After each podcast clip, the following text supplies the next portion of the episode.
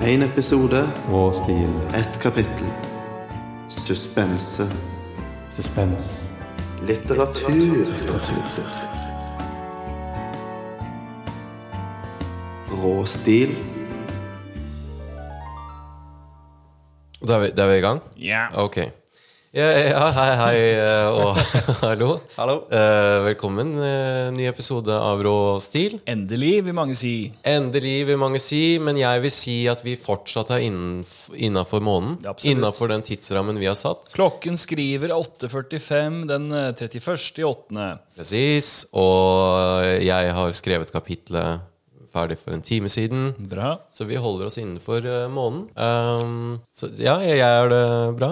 Ja, hvis det var det du lurte på. Hvis du, er, hvis du syns dette er greit Ja, jeg, Så jeg skal syns ikke det, jeg- skal ikke jeg jeg synes krangle det på er det? greit. Jeg, har- jeg har jo nå uh, kapittel etter kapittel.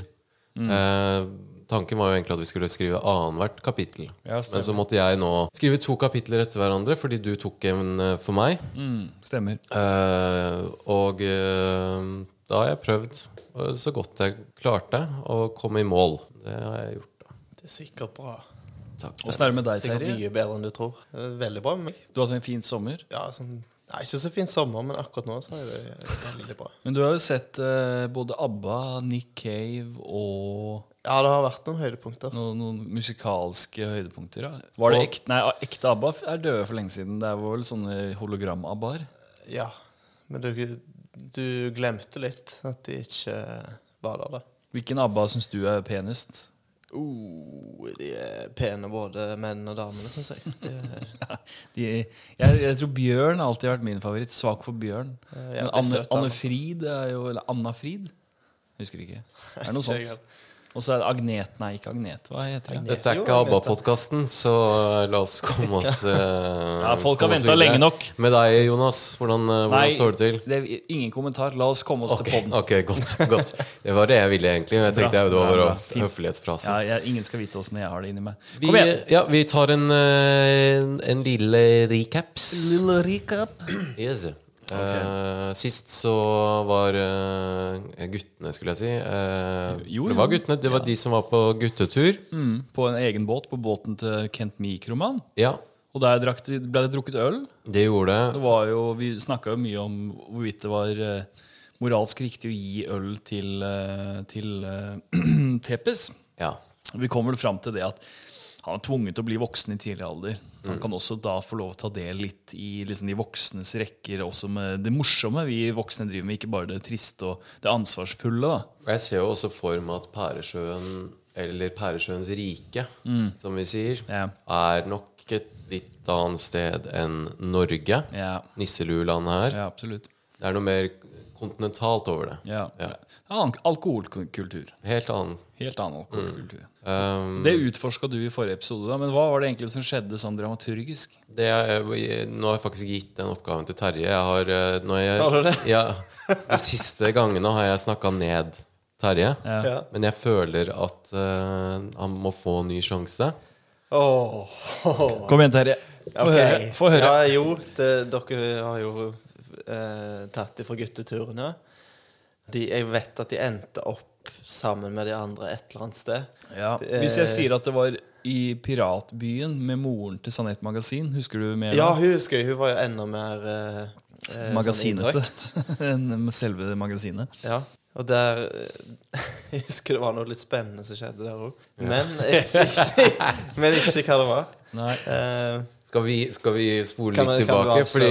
Vi kan jo i hvert fall gå tilbake til at eh, um, det var jo litt sånn skjebnesvangert valg som Tepes tok. Han fikk uh, valget mellom å enten flytte fjell Eh, Nei, egentlig fikk han det valget. Han, han fikk det, det valget. muligheten, men så var han, han hadde jo drukket gjeddeøl. Ja. Og derfor så var han kødden. Ja. Og så sa han 'Jeg vil danse'. Stemmer. Jeg vil kunne danse. Å ja, han tok det over uh, eh, å flytte fjell. Ja.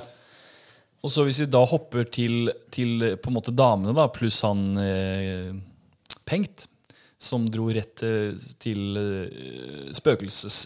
Nei, unnskyld, piratbyen, eh, så så Spøkelsesbyen. nå har, det gått, nå har det gått så utrolig lang tid at jeg liksom Ingen- du husker ikke Jeg husker den, virkelig ingenting. Det er du som pleier å ha den her Ja. ganske greit inne. Det er godt med hus nå. Det er, det er grunnen til at jeg alltid faller av eh, sesonger på sånn Netflix eller noe. Når det tar liksom ni måneder før neste episode, så husker jeg ingenting. Og nå har det gått ca. en måned. Husker nøyaktig null og niks. Men jo da, og så møtte de eh, Tamburita Magasin og ba om hjelp. De ba om hjelp til eh, og, eh, mot liksom keiserdømmet, Mm. Eh, og så sa de nei, vi vil holde oss Vi vil holde oss uh, nøytrale. Eh, ja, men vi har en, uh, en gutt med magiske evner som endrer liksom maktbalansen her, da. Ja. Ja, hvor er han? Og da, etter hvert så kommer da Tepes inn og danser en herlig ballett. Mm, det er ikke det beste For det var det beste eksempelet, på en måte. Tamburita ville at Sanett Magasin skulle bli ball ballerina når hun var liten. Å ja. Så det var jo veldig flaks, det. da At han ønsket Å ja, så det var en fordel? Han, Ja, det var jo det, da. Husker ingenting. Jeg husker at det, jo, når du ikke sier det, så husker jeg altså. Eh, så det var vel de viktige Jo, og så lærte vi jo også da at eh, Eller Kent Mikroman ble, opp, opp, ble observant på at det er faktisk Tepe som er det barnet han redda når, når han var spedbarn. Noe som jeg tok for gitt at han visste fra før, men Martin da mente at han ikke forsto. For jeg tenker sånn, det er jo, det er jo bare ett solkyssa barn på, den, på det barnehjemmet. Ja, det mener du. Ja. Det vet ikke jeg. Nei, du mente ikke det. Nei. Nei, nei, men Der er vi litt uenige, da. Kan jo hende han har hatt andre ting å tenke på. Ja, mulig at altså det, Du blir jo ikke admiral i Keiserens marine av å sitte og tenke på spedbarn. Er det det han var? Admiral? Admiral Han også. admiral, han også, ja. Men hvorfor er admiral Molo over han, da? Ja, for han er sånn øverste, øverste admiral. Ok, jeg skjønner. Jeg gadd ikke å legge på masse titler, men han er på en måte topp av topp. Ja. Men de overbevises i hvert fall. Eh, Ja, de Tamburito overbevises. Magasin og hennes uh, flokk av uh, sjørøvere. Ja. Uh, og bestemmer seg for å hjelpe uh, Tepes og co. i kampen mot keiserens menn, og skal vel da også kaste seg Kaste, Kaste seg kaste seg inn i kampen, er det det du prøver å si? det var det jeg skulle si! Faen. Hør på- på den dynamikken her. Ja, ja. Ja. Kaste seg inn i kampen. Mm. Det flyter godt. Så det, det var vel der vi var? Det stoppa cirka der. Men Ja. jo, du hadde jo lite etter, et, en liten sånn epilog med, med admiral Molo, hadde du ikke Ja, admiral Molo blir jo da Han våkner jo opp på denne øya, for det Ja. var jo i kapittel sju, de, der de tapte det det? Ja. slaget mot uh, Tepes etter at han eh, smeltet sammen med sakshunden eh, Tom Bobson Tom Bobson. og ble til hundemannen John. Hundemann John, ja. Eh, så så fa, falt eh, han eh, over ende og Mm. i, i narkose, holdt jeg på å si. Bevisstløs. Men kanskje du mente Narkose. Narkosebevisstløs. Ja. Resultatet er det samme. Ja, Ja. Eh, og eh, våknet da opp på øya, eh, forbannet eh, forræderen eh, Kent Mikroman. Og, og med litt eksposisjon fordi han snakka til en av sine underordnede, så fortalte han også at det kom skip for å plukke de opp ganske Ja, snart. nettopp. At han hadde sikra seg at det skulle komme noen tilfeller det gikk dårlig.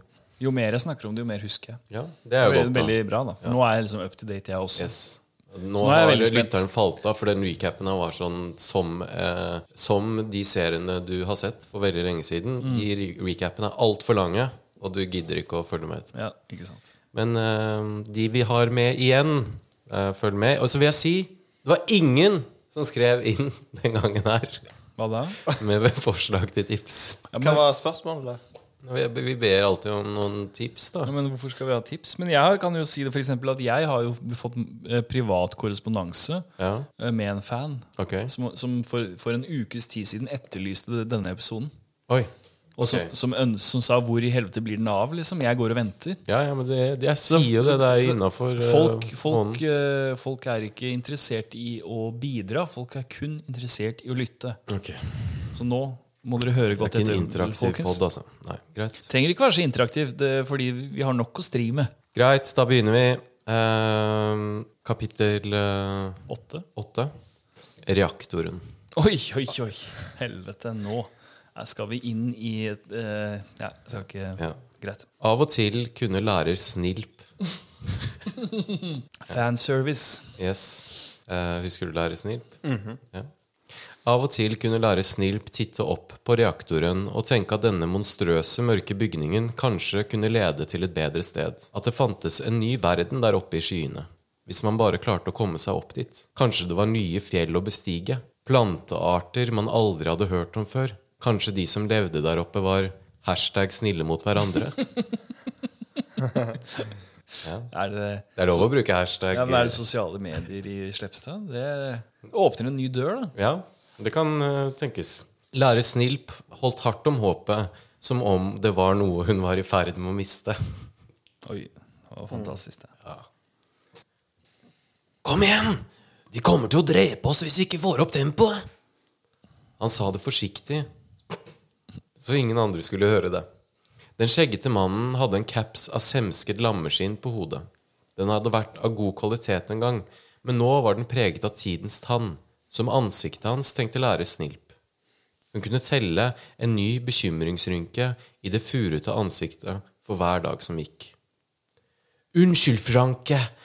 Jeg ble helt lost in thought, sa lærer Snilp og sendte mannen et betryggende smil.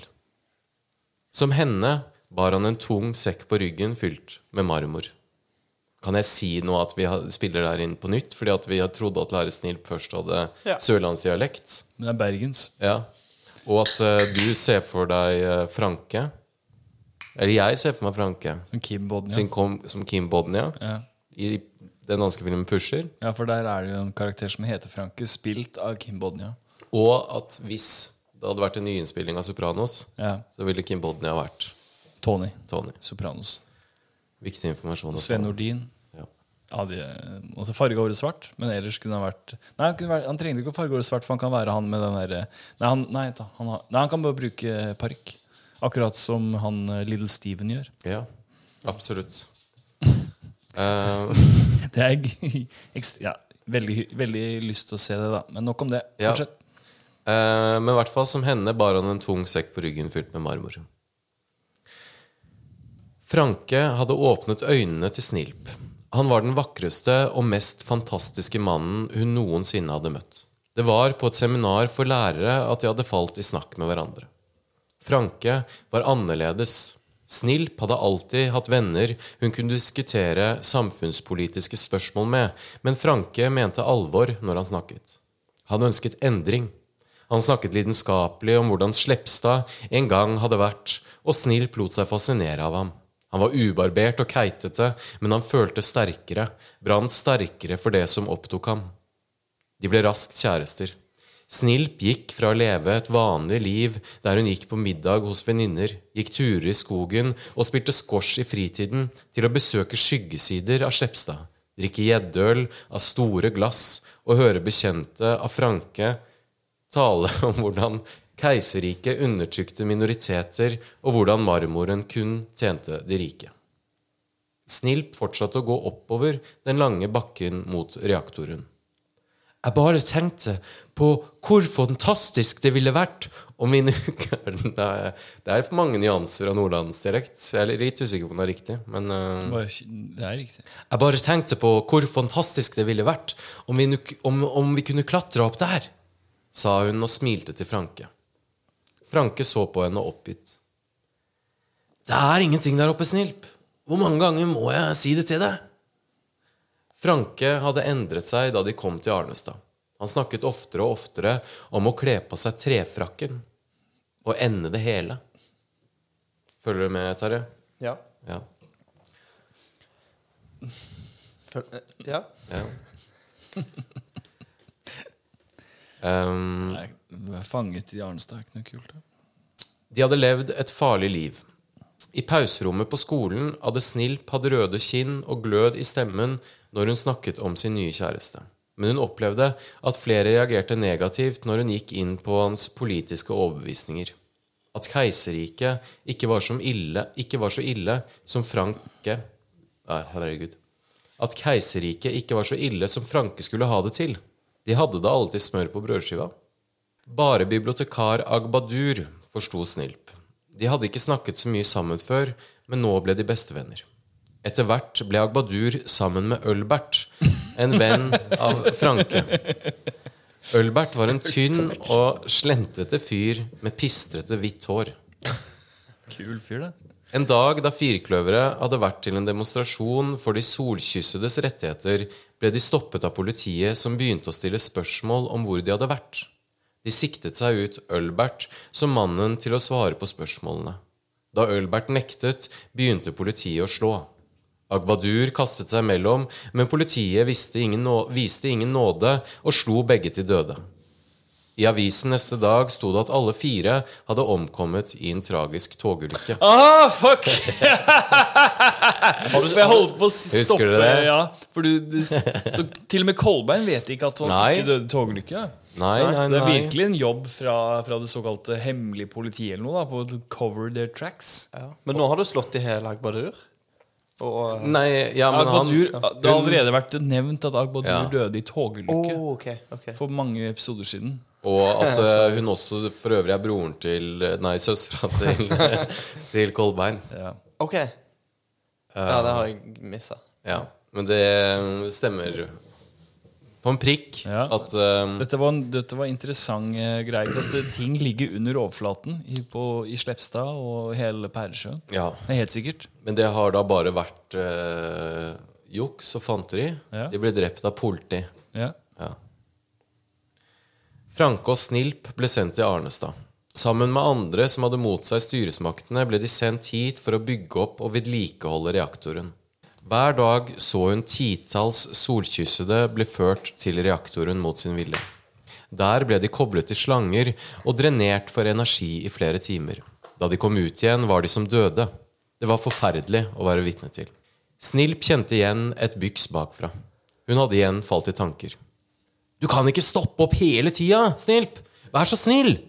bønnfalte Franke. Snilp smilte til ham unnskyldende, men fra siden hørte hun en brummende stemme. Latsabur! Den tilhørte en av de mange fangevokterne som nå nærmet seg dem med stormskritt. Han, lø han løftet hestefiskpisken. Of course. Bruk hele dyret. Ja, bruk, bruk hele dyret. Uh, og slo henne én gang, to ganger, tre ganger. På det fjerde slaget falt Snilp i bakken. Franke bøyde seg ned for å løfte henne opp, men til liten nytte.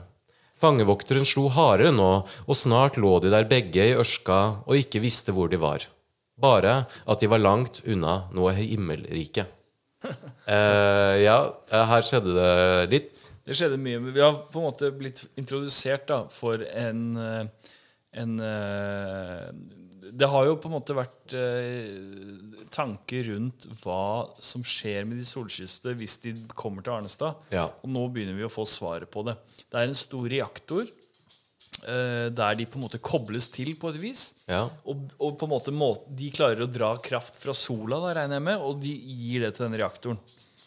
Men det er jo ikke selvfølgelig da ikke bare eh, solkyssede som, som trengs da, for å, for å eh, Uh, drive denne reaktoren. Så det er også på en måte sånn politiske opponenter, som som noe snilt, da, tydeligvis, som har falt i med noe eh, Ja, Hun har jo blitt ja, sammen med Eh, Franke. Franke, ja. Og Ølbert og Agbadur, som dessverre mista livet. Ja. Så, eh, På en måte ble jo øl, eh, Agbadur ble jo dratt med av Snilp. Mm. Uh, Ja, ikke sant. så vi, vi må aldri unnskylde totalitære regimer da, for hva de gjør for noe, bare fordi folk har blitt venner, tenker jeg. Men i hvert fall så, så fikk vi nå et lite innblikk da, i hvordan det er å være fanget på Arnestad. Ja. Og vi fikk på en måte et innblikk i hva som venter Tepes hvis han blir fanget. Merk dere at de bærer eh, marmor. Mm. Som jo, det er jo det de har utvinnet på Slepstad. Mm. Så det betyr jo at de må ha fraktet masse marmor til Arnestad. Ja. For å bygge noe. Ja, jeg veit ikke. Kanskje de bruker det til den ra Ja, ra kanskje, reaktoren. det. kanskje reaktoren Ja. går på marmor. Ja. Ingen vet. Det er bare busy work? Liksom, for de Ja, Bare for å holde de opptatt, kanskje. jeg vet ikke Her har en sekk med marmor, går rundt og rundt og dauer. ja. Nå skal vi gjøre et uh, lille sceneskifte. Ja. Um, det var ikke slutt. Doktor Melis Husker du Doktor Melis? Ja, ja, han var sånn Han har aldri blitt, aldri blitt uh, han, vi, Det er første gang vi møter dr. Melis. er ikke det? Nå skal vi bli kjent med han. Endelig. Dr. Melis visste godt at reaktoren ikke ledet til noe bedre sted. Selv sto han i et tårn i øyehøyde med toppen av reaktoren og tittet ned på mengden som gikk der nede og slet under ham. Dette hadde blitt en form for morgenrutine for dr. Melis.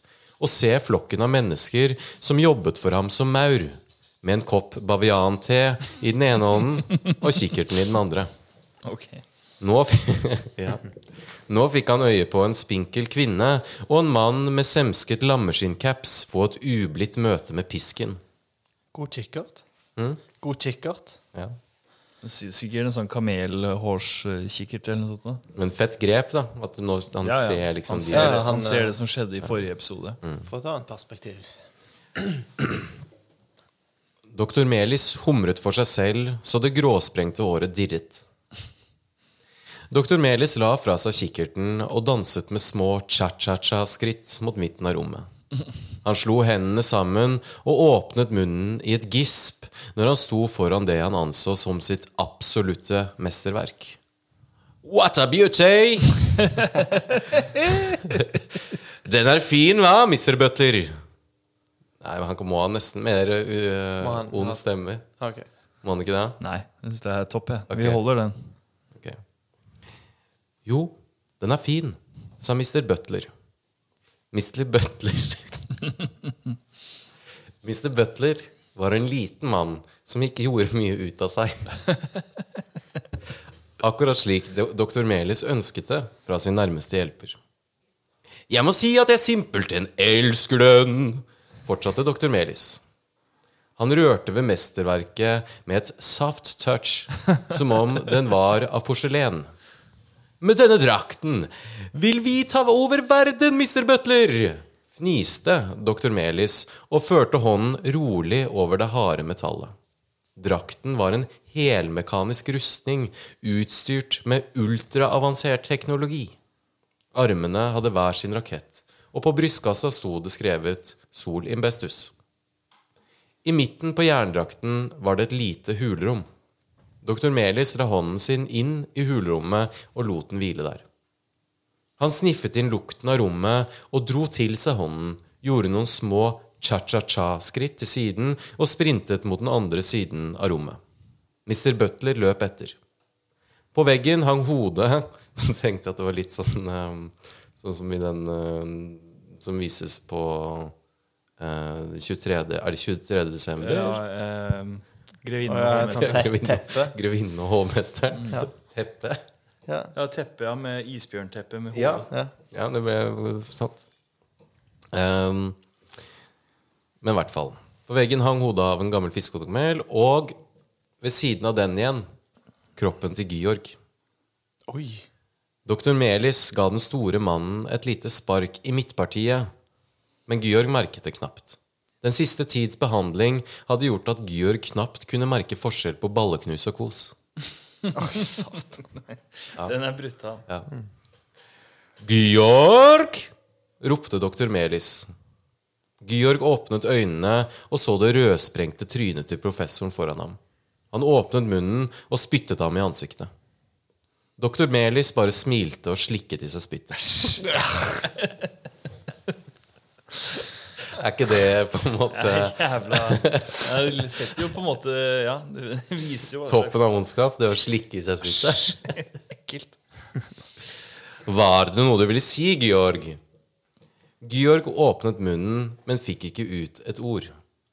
Å ja, det glemte jeg. Du kan ikke snakke! Så der fikk vi ja, endelig, endelig bekreftet det. At han har mistet talens makt. Mista talens mekt. Doktor Melis gapte og slapp ut en ondskapsfull latter. Du savner vel Kolbein, kan jeg tenke meg. Men du vil glemme han snart. Snart skal du få prøve drakten min, og da vil du glemme alt om han. Ja, egentlig alt om alle. Du vil bli et monster, Georg. Nu vel. Mister Butler, kan du ikke se og få i Georg litt mat? Mr. Butler løp og hentet en gryte som hadde stått og putret siden morgengry. Det var Mr. Butlers Hvorfor var det så løye, egentlig? Så liksom for deg hele dagen Altså, du fikk, fikk, fikk All liksom, torturen som har gått Ja, ja, du fikk liksom- fikk, fikk satt ting litt i perspektiv, liksom. Og alt det som har skjedd med de som bærer marmor, og de som har dødd. Og så, så, gryte. men ei gryte har stått der hele dagen. Ja. Det var Mr. Butlers hemmelige oppskrift på hestefiskgrøt. Han smilte omsorgsfullt til Georg og hvisket. Bare spis den, den er god. Georg tenkte at den lille mannen. Georg tenkte at den lille mannen foran ham hadde snille øyne. Han åpnet munnen og tygget i seg den myke mosen. Den var overraskende smakfull. Imens hadde doktor Melis funnet fram til kikkerten igjen. I horisonten så han en lang rekke store seil veive i vinden. Det var ikke til å ta feil av. Det var keiserens kortesje. Nede på havna hadde nettopp keiseren og admiral Molo kommet i land da doktor Melis kom dem i møte. Skal, vi stoppe litt her nå, eller eh, føler dere at dere følger med? Nei, jeg henger med. Ja. Jeg tror vi henger med hittil. Ja. Keiseren tittet opp på reaktoren som han selv en gang hadde gitt tillatelse til å bygge. Det var etter hans mening en arkitektonisk styggedom, men doktor Melis hadde overbevist ham om at den var livsviktig, for kun på den måten ville de solkyssede ha et formål her i verden. Reaktoren var skjebnen, den var meant to be, ifølge doktor Melis. Det gjorde, heller, det gjorde heller ingenting at doktor Melis kunne love at keiseren ville bli den mektigste mannen i Pæresjøens rike om reaktoren ble bygget. I førstningen var det ikke rare greiene doktor Melis hadde fått til med reaktoren. Men da man gikk over fra å bruke solkystede barn til å bruke solkystede tenåringer, fikk pipa en annen lyd. Plutselig kunne man produsere mye mer og mye kraftigere våpen. Arnestad hadde etter hvert blitt kjent for sin våpenteknologi og eksporterte nå langt utover Pæresjøens rike. Det er litt sånn Oi. ja. Fins det noe mer pæsje nå, vet du, Terje? Ja. Ja. Hva tror du finnes der ute? Det høres jo litt ut som uh, dette her er litt sånn eh, navlen av denne verden, da. Ja, At dette De er Europa? kontroll.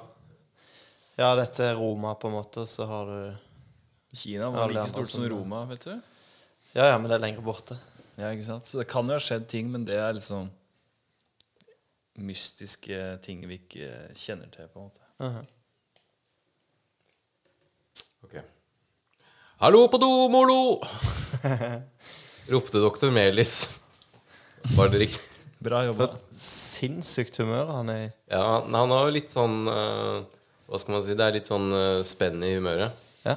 Ropte doktor Melis, som nå kom spankulerende nedover mot keiseren og admiral Molo. Og hei på deg, ærede keiser! Hvordan går det med besteguttene? Admiral Molo så ned i bakken.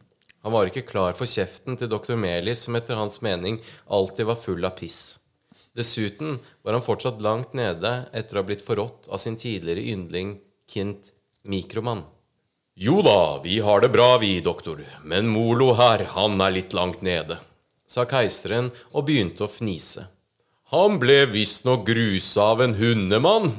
En hundemann! Har du hørt sånn sprøyt, doktor? Doktor Melis lo ikke. Han så i stedet med alvorlig blikk på admiral Molo. Var det noe spesielt med gutten? Sånn rent ut for at han kunne smelte sammen med hunden, Molo? Admiral Molo rettet seg opp, overrasket over at doktor Melis var mer interessert i gutten enn hans feilskjær. Han er ingen vanlig gutt, doktor. Han har helt særlige evner. Og jeg sier ikke det for å unnskylde meg. Doktor Melis smilte. Godt, sa han. Jeg gleder meg til å møte ham. Han må være den sterkeste solkysste pæresjøen noensinne har sett. Bra. Fortsett. Det er greit. Holder det. Keiseren sto forfjamset og så på. Godt, sa han spørrende. Det er vel ikke gode nyheter? Du vet jeg ikke liker å sette spørsmålstegn ved deg, doktor, men nå må jeg si at jeg synes du går for langt. Gutten er da en trussel mot keiserriket. Vi skulle tatt han før han ble kjønnsmoden. Doktor Melis stillet, stirret keiseren rett inn i øynene. Med en kjølig stemme sa han. Stoler du ikke på meg, ærede keiser? Jo, jo, jeg gjør jo det, doktor Melis. Det er bare det at Stotret keiseren. Fint. Så er den saken ute av verden. U ute av verden, men Ikke noe men. Jeg har ikke tid til å stå her og snakke om bagateller. Dessuten så jeg i kikkerten at gutten og hans allierte er på vei hit. De har et lite kjede av piratskuter hengende på slep. Ah, sjørøvere, så søte, men akk så primitive. Hva? Og det sier du først nå? Brølte keiseren. Slapp av, herrede keiser, smilte doktor Melis. De vil neppe komme langt. Ok, Fint med en sånn usikker keiser. ja. En, uh... Ja, fordi eh, her f Ja, jeg skal jo ikke si noe om hva jeg har tenkt. Men uh, hva tenker dere om dynamikken her mellom de tre? Virker som Melis på en måte drar litt i strengene her, da, kanskje. ja. Molo har jeg ikke helt koll på, men eh, Men Molo er nok nederst i denne han er ikke så viktig akkurat Men han, han ser vel for seg at keiseren er på topp, men så kanskje egentlig er ikke keiseren på topp. Så for han så er det en sånn dragkamp mellom han og Melis. Ja. Men uh, i realiteten så, så er det Melis som på en måte drar i strengene. Som en edderkopp. Det er han som har ideene, liksom. En edderkopp, faktisk. The spider. The spider. Tepes hang som vanlig i toppen av masta på Den gylne fiskehodekamel. Han hadde fått låne kikkerten til Kent Mikroman og pekte den i retning av Arnestad. De var fortsatt noen titalls nautiske mil fra land, så det var ikke mye han så av øya, bortsett fra en svær bygning som måtte være reaktoren som Kent Mikroman hadde snakket om. Han snudde seg og så imponert utover de mange sjørøverbåtene som fulgte hakk i hæl, som et endeløst svart teppe. Han rakte kikkerten til Snebb, som egentlig var redd for høyder, men som hadde trosset frykten og blitt med til toppen av masta for å være sammen med sin gode venn. Det er dritmange, jo! ropte Tep Tepes og gliste. Det må man si, nikket Snebb forsiktig mens hun klamret seg til masten. Hun hadde følt på at de siste Hun hadde følt på at de hadde glidd litt fra hverandre den siste tiden. Etter danseshowet på Sjørøverøya hadde Tepes fått mange nye venner i sjørøverflokken, og det umake paret hadde knapt hatt en stund for seg selv. Eller, de hadde jo vært sammen, men det hadde blitt mindre tid til de gode samtalene de ofte hadde da de bodde i Slepstad. Alt hadde gått så fort, tenkte Snebb. Ville de noen gange Ville de noen gang kunne leve som før? Spise pannekaker hos Kolbein og Georg som før? Hvordan er det plutselig å være populær? sa Snebb og smilte. Populær? Jeg? sa Tepes avvisende. Ja, du er jo det, da. Jeg så hvordan sjørøverjentene så på deg, ertet Snebb. Gjorde de? sa Tepes.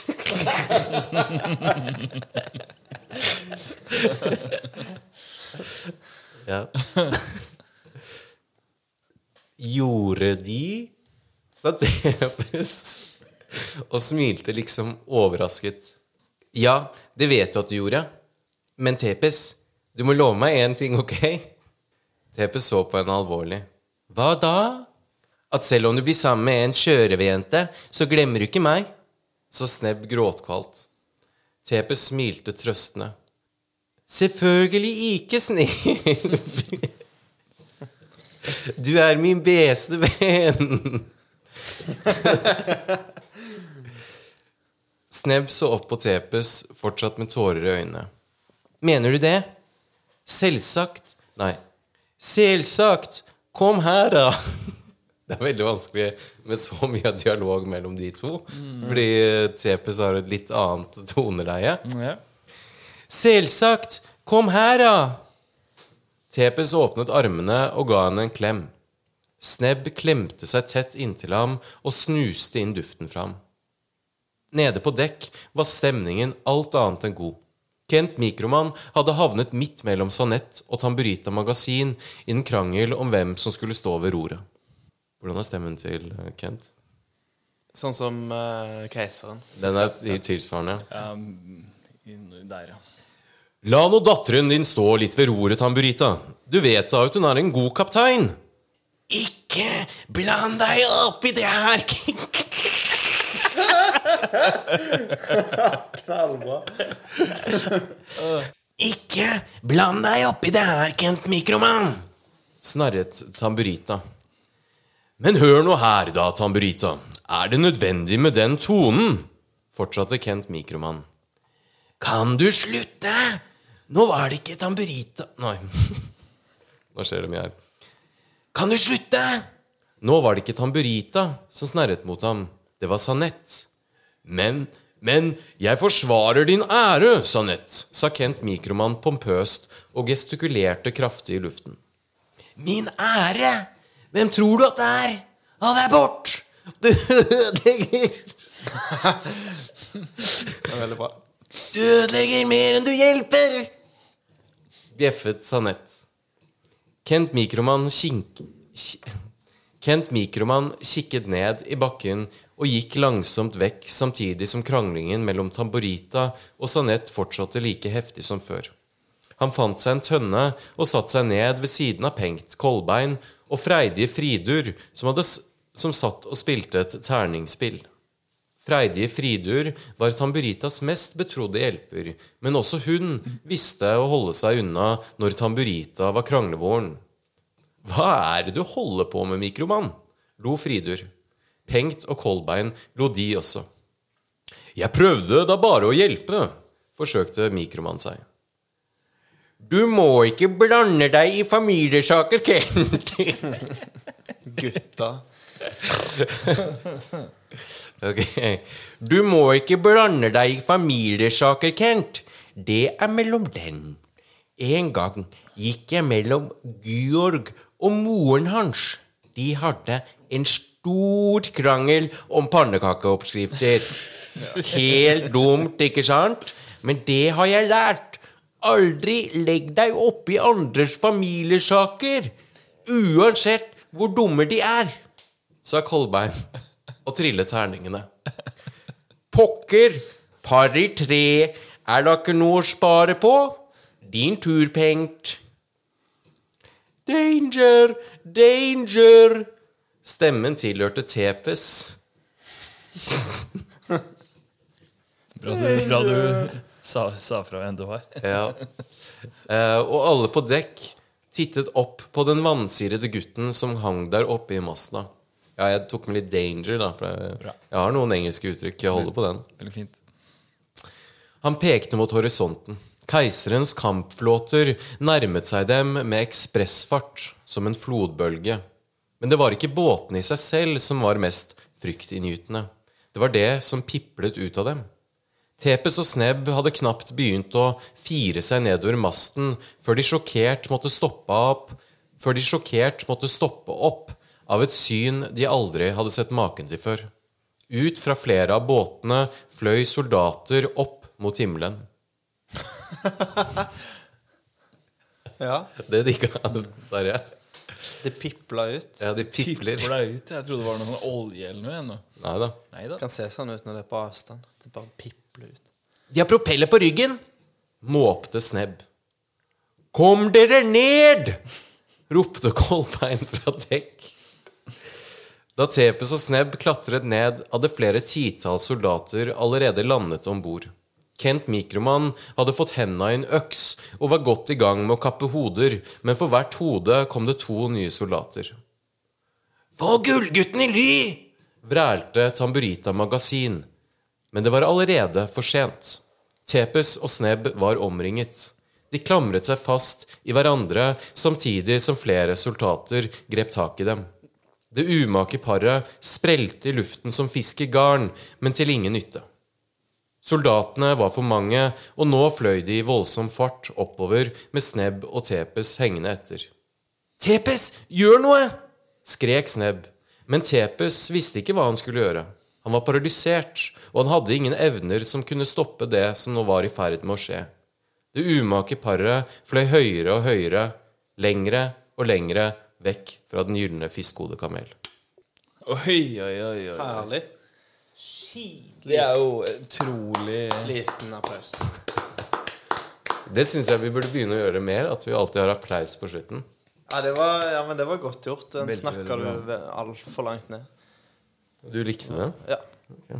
Veldig. Jeg, sy- ja. Ja, det skal, jeg skal bare ta det til meg. Ja. Ja, Så det er hyggelig. Utrolig Ja. bra flyt mellom dialog og uh, fortellerstemmen òg.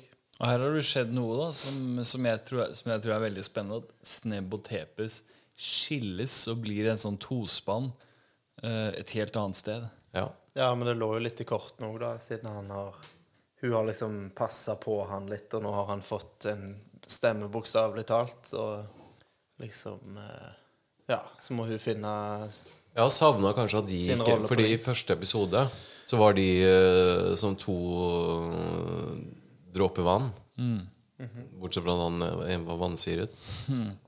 Dråper vannsyret. Ja. Um, og, men nå skal de endelig kanskje komme litt sammen igjen. Ehm, vi får se. Det er jo du som bestemmer, da. Ja. Um, men hva er det som har skjedd? Skal vi ta liksom Trenger vi det? Trenger vi å recappe her? Ja, Vi kan godt recappe litt. ja. For det skjedde ganske mye. Det skjedde mye. Ja. Eh, vi starta jo med doktor Nei, først hadde vi jo en sånn Det er, viser seg jo at uh, lærer Snilp, ja.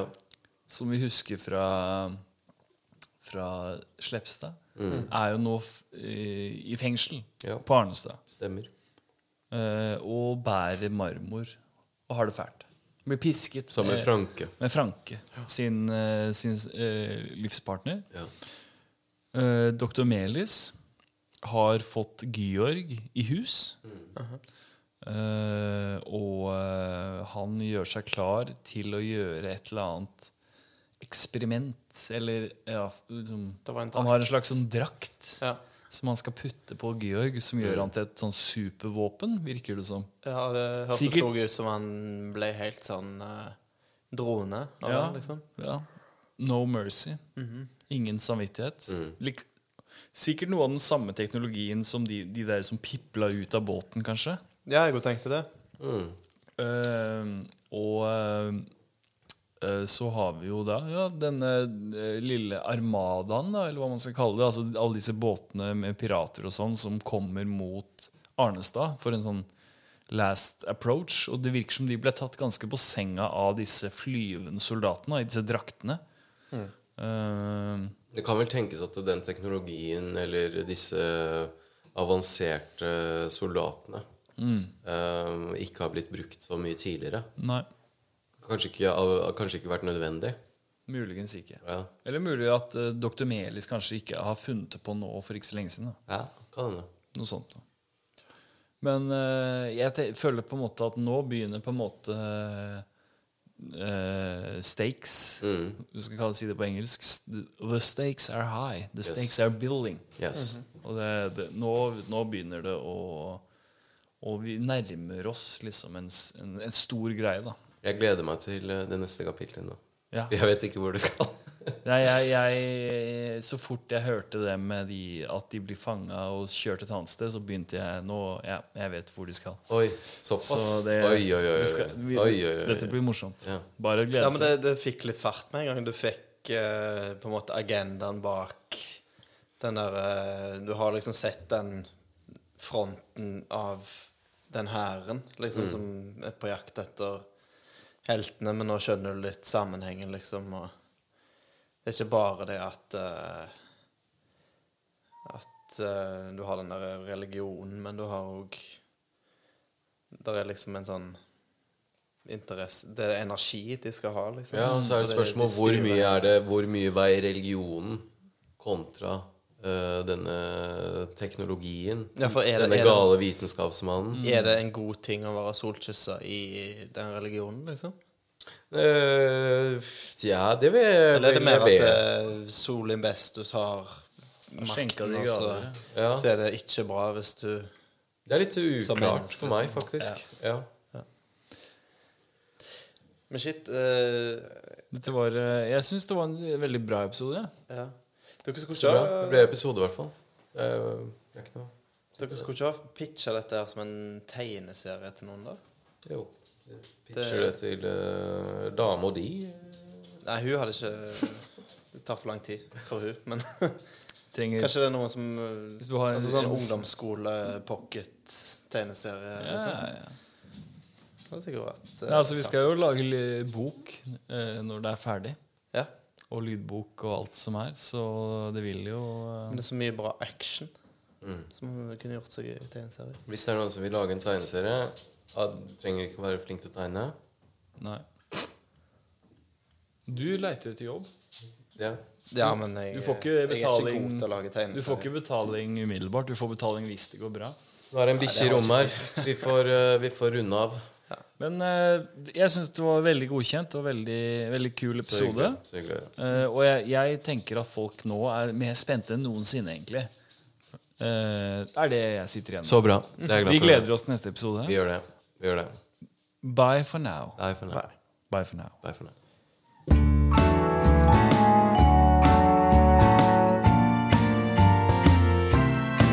En episode, Råstil. ett kapittel. Suspense. Suspens. Litteratur.